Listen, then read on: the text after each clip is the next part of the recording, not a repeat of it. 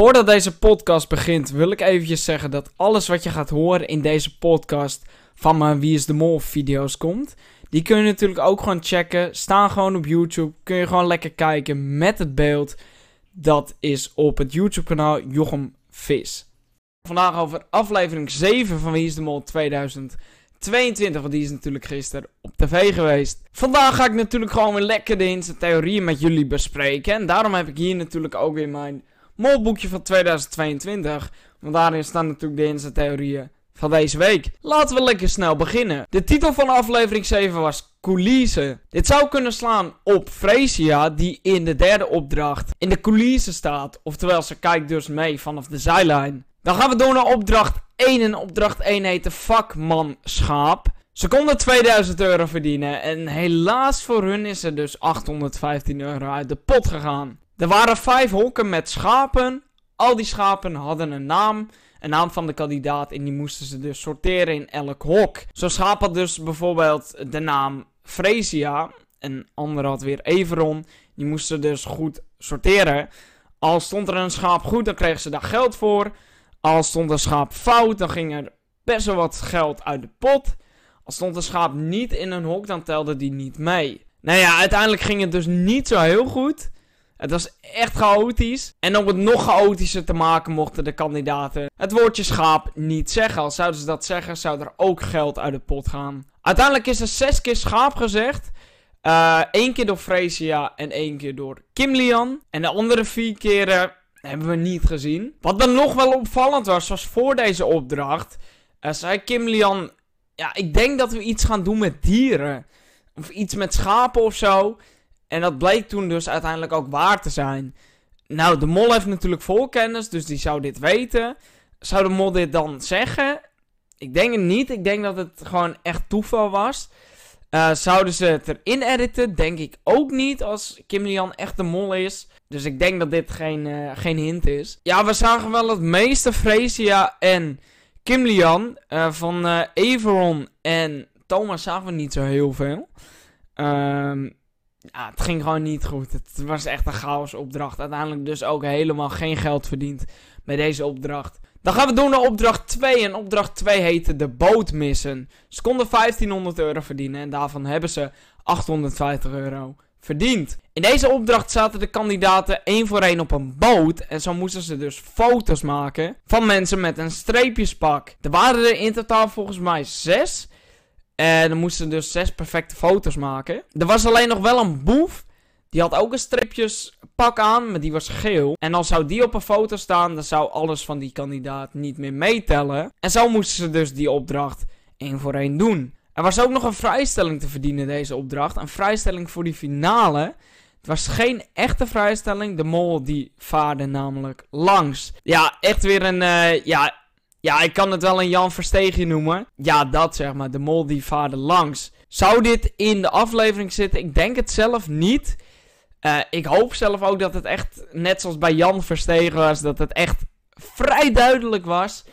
Uh, dat zou wel heel ziek zijn geweest. Maar dat gaan we lekker zien in aflevering 10 natuurlijk. Ja, er waren wel wat bootjes op de achtergrond aanwezig die er langs vaarden. Maar ja, iedereen kon daarop gezeten hebben. Het was niet echt vrij duidelijk. Je zag een paar keer iemand die op Freesia leek, op Everon, op Kim Lian, op Thomas. Ja, ik denk zelf dat we daar niks achter hoeven te zoeken. En misschien dat de productie daar ook wel mensen opgezet hebben die juist heel veel op de kandidaten lijken. Dat kan natuurlijk ook. Dus ja, ik denk zelf niet dat we daar iets uh, achter moeten zoeken. Ik heb ook nog even opgeschreven hoeveel foto's iedereen maakte. Uh, wat wel al vrij duidelijk was in de aflevering was dat Everon als enige de boef had gefotografeerd. Hij had vijf foto's gemaakt en die telden dus allemaal helaas niet mee. Uiteindelijk zijn er 17 goede foto's gemaakt. Uh, waar die van Everon dus niet bij meetellen. Kim Lian had er 6 gemaakt, Freesia 2, Thomas 5 en Letitia 4. Wat we hier dan weer uit kunnen halen is dat Kim Lian en Thomas best wel veel foto's gemaakt hebben. Zou dat dan betekenen dat hun niet de mol zijn? Uh, die had maar twee foto's, want die ging op zoek naar een vrijstelling. Want die dacht echt dat er een vrijstelling te vinden was voor de finale. Die was er uiteindelijk niet. Uh, daardoor heeft ze maar twee foto's gemaakt. Kan natuurlijk een molactie zijn. Ook zegt Kim Lian uiteindelijk uh, van I see you en dingen. En dan doet ze echt zo, I see you. Zou ze de mol hebben gezien? Volgens mij zie je niet echt waar ze naar kijkt. Misschien dat het wel zo geëdit is, alsof ze dus naar zo'n persoon kijkt met dus zo'n streepjespak. Misschien heeft ze wel de mol gezien. Ik weet het niet. Dan gaan we door naar opdracht 3. En opdracht 3 heet de testafette. Dit was de opdracht voor de test en de executie. Waarin de kandidaten allemaal kleine opdrachtjes moesten uitvoeren. Allemaal alleen. En als ze dan een opdracht goed hadden gedaan, moesten ze door naar de volgende opdracht. Uiteindelijk zou een kandidaat dus uitkomen bij de test. En dan konden ze dus kiezen tussen verschillende plaatsen. Een plaats met een vraagteken, een plaats waar er niks gebeurde, een plaats waar plus 1 minuut bij je eindtijd komt van de test. Eentje met plus 2 en nog eentje met plus 3. Dus het was een best wel spannende opdracht. Want ja, als er natuurlijk tijd bij je test komt, de kans is wel redelijk klein dat kandidaten hetzelfde aantal vragen goed hebben. Dan kijken ze natuurlijk naar de tijd. Het kan natuurlijk wel. En dan ben je, ja, niemand wil het gewoon plus 3. Want dat, ja, daardoor kan je zomaar eens het spel uitvliegen. Voor deze opdracht begon, uh, kwam Freesia nog met haar groene vrijstelling die ze inzette. Dus Freesia hoefde niet mee te doen. Wat voor mij echt top was. Uh, want uh, ik ging al in op Freesia. Dus ik heb best wel genoten van deze aflevering. En dit van Freesia heeft natuurlijk ook weer te maken met de titel van de aflevering, namelijk Coulissen. Uiteindelijk dus niet zoveel te halen uit deze opdracht, want ja, er is helemaal geen geld te verdienen. Dus ja, de mol kan alsnog gewoon goed zijn of haar best doen. Maar het maakt helemaal niet uit hoeveel geld in de pot komt. Uiteindelijk was Thomas als eerste, die had het vraagteken gepakt.